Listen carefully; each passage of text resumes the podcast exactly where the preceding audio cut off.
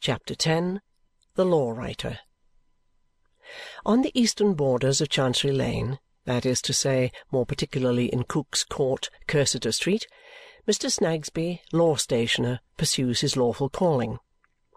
In the shade of Cook's Court, at most times a shady place, Mr. Snagsby has dealt in all sorts of blank forms of legal process in skins and rolls of parchment, in paper, foolscap, brief, draft, brown, white, whitey brown, and blotting, in stamps, in office quills, pens, ink, india-rubber, pounce, pins, pencils, sealing-wax, and wafers, in red tape and green ferret, in pocket-books, almanacs, diaries, and law lists, in string boxes, rulers, inkstands, glass and leaden, penknives, scissors, bodkins, and other small office cutlery in short, in articles too numerous to mention, ever since he was out of his time and went into partnership with Peffer.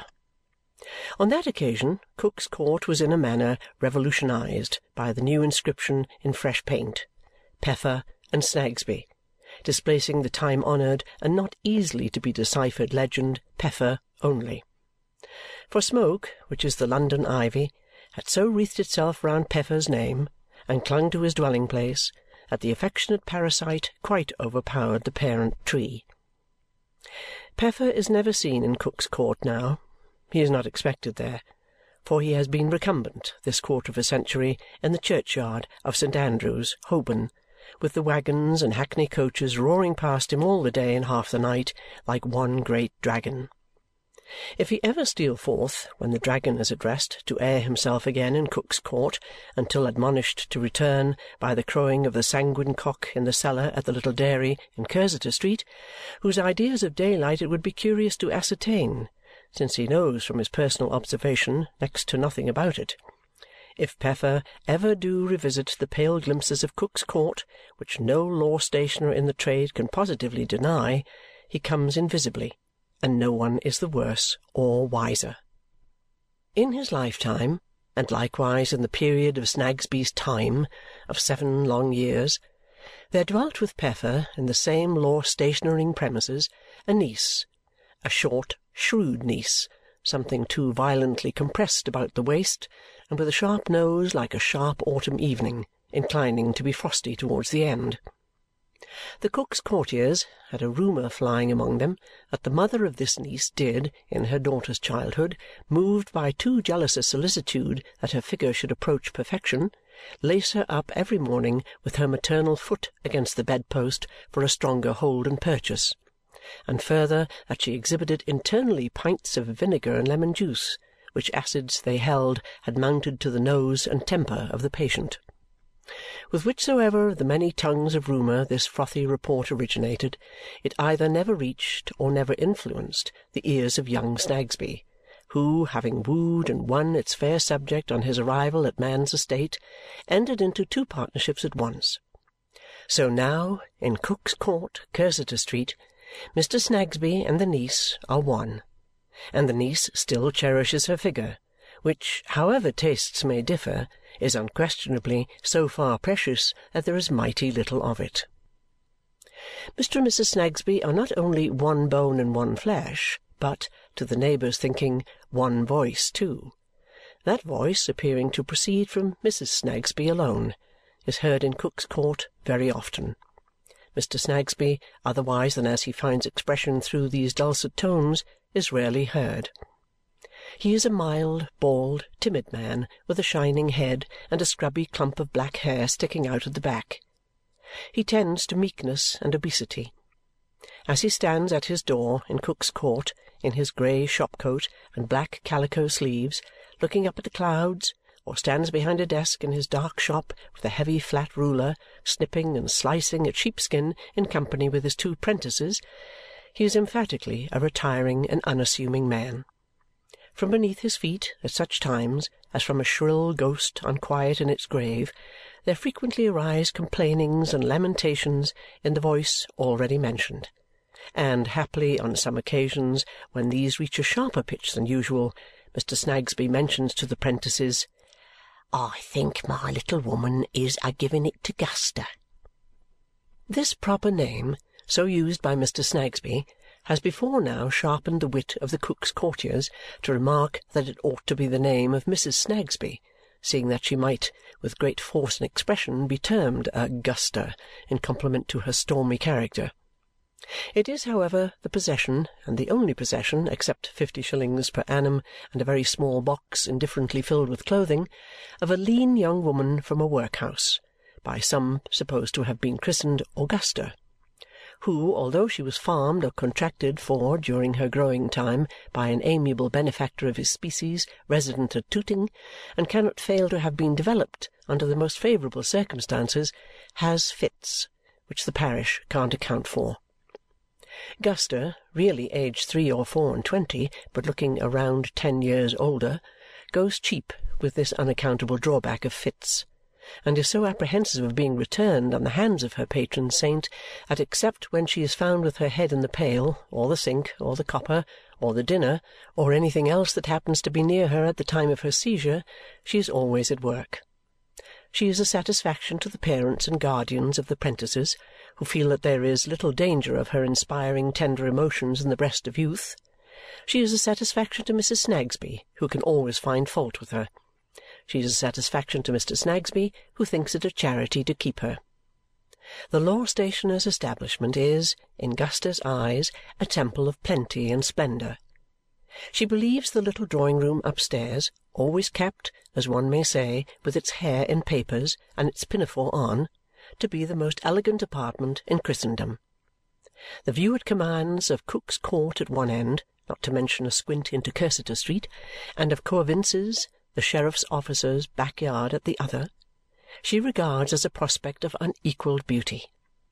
The portraits it displays in oil, and plenty of it too, of Mr. Snagsby looking at Mrs. Snagsby, and of Mrs. Snagsby looking at Mr. Snagsby, are in her eyes as achievements of Raphael or Titian.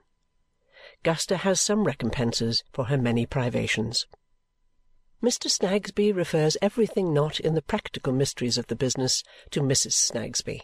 She manages the money, reproaches the tax-gatherers, appoints the times and places of devotion on Sundays, licenses Mr. Snagsby's entertainments, and acknowledges no responsibility as to what she thinks fit to provide for dinner, insomuch that she is the high standard of comparison among the neighbouring wives a long way down Chancery Lane on both sides, and even out in Holborn who in any domestic passages of arms habitually call upon their husbands to look at the difference between their (the wives' position and Mrs. Snagsby's, and their (the husbands') behaviour and Mr. Snagsby's.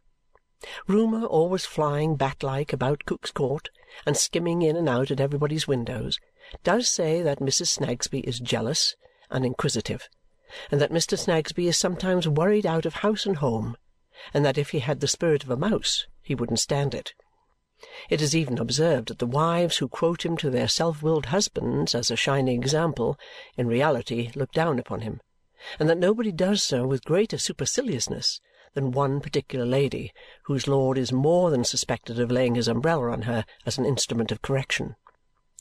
But these vague whisperings may arise from Mr. Snagsby's being in his way rather a meditative and poetical man loving to walk in Staple Inn in the summer time, and to observe how countrified the sparrows and the leaves are, also to lounge about the Rolls Yard of a Sunday afternoon, and to remark, if in good spirits, that there were old times once, and that you'd find a stone coffin or two now under that chapel, he'll be bound, if you was to dig for it. He solaces his imagination, too, by thinking of the many Chancellors and Vices and Masters of the Rolls who are deceased and he gets such a flavour of the country out of telling the two prentices how he HAS heard say that a brook as clear as crystal once ran right down the middle of Holborn, when turnstile really was a turnstile, leading slap away into the meadows, gets such a flavour of the country out of this that he never wants to go there. The day is closing in, and the gas is lighted, but is not yet fully effective, for it is not quite dark. Mr. Snagsby, standing at his shop door looking up at the clouds, sees a crow, who is out late, skim westward over the slice of sky belonging to Cook's Court. The crow flies straight across Chancery Lane and Lincoln's Inn Garden into Lincoln's Inn Fields. Here, in a large house, formerly a house of state, lives Mr. Tulkinghorn. It is let off in sets of chambers now, and in those shrunken fragments of its greatness lawyers lie like maggots in nuts. But its roomy staircases, passages, and antechambers still remain, and even its painted ceilings, where allegory, in Roman helmet and celestial linen, sprawls among balustrades and pillars, flowers, clouds, and big-legged boys, and makes the head ache, as would seem to be Allegory's object always, more or less. Here among his many boxes labelled with transcendent names lives Mr. Tulkinghorn, when not speechlessly at home in country houses where the great ones of the earth are bored to death. Here he is to-day, quiet at his table, an oyster of the old school whom nobody can open. Like as he is to look at, so is his apartment in the dusk of the present afternoon. Rusty, out of date, withdrawing from attention, able to afford it. Heavy, broad-backed, old-fashioned mahogany and horsehair chairs, not easily lifted. Obsolete tables with spindle legs and dusty baize covers. Presentation prints of the holders of great titles in the last generation or the last but one environ him. A thick and dingy Turkey carpet muffles the floor where he sits, attended by two candles in old-fashioned silver candlesticks that give a very insufficient light to his large room. The titles on the backs of his books have retired into the binding. Everything that can have a lock has got one. No key is visible. Very few loose papers are about. He has some manuscript near him, but is not referring to it. With the round top of an inkstand and two broken bits of sealing wax, he is silently and slowly working out whatever train of indecision is in his mind. Now the inkstand top is in the middle now the red bit of sealing wax, now the black bit. That's not it. Mr. Tulkinghorn must gather them all up and begin again. Here beneath the painted ceiling, with foreshortened Allegory staring down at his intrusion as if it meant to swoop upon him, and he cutting it dead, Mr. Tulkinghorn has at once his house and office. He keeps no staff, only one middle-aged man, usually a little out at elbows, who sits in a high pew in the hall and is rarely overburdened with business.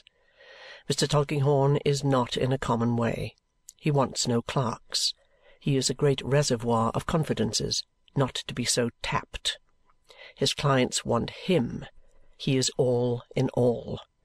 Drafts that he requires to be drawn are drawn by special pleaders in the Temple on mysterious instructions fair copies that he requires to be made are made at the stationer's, expense being no consideration.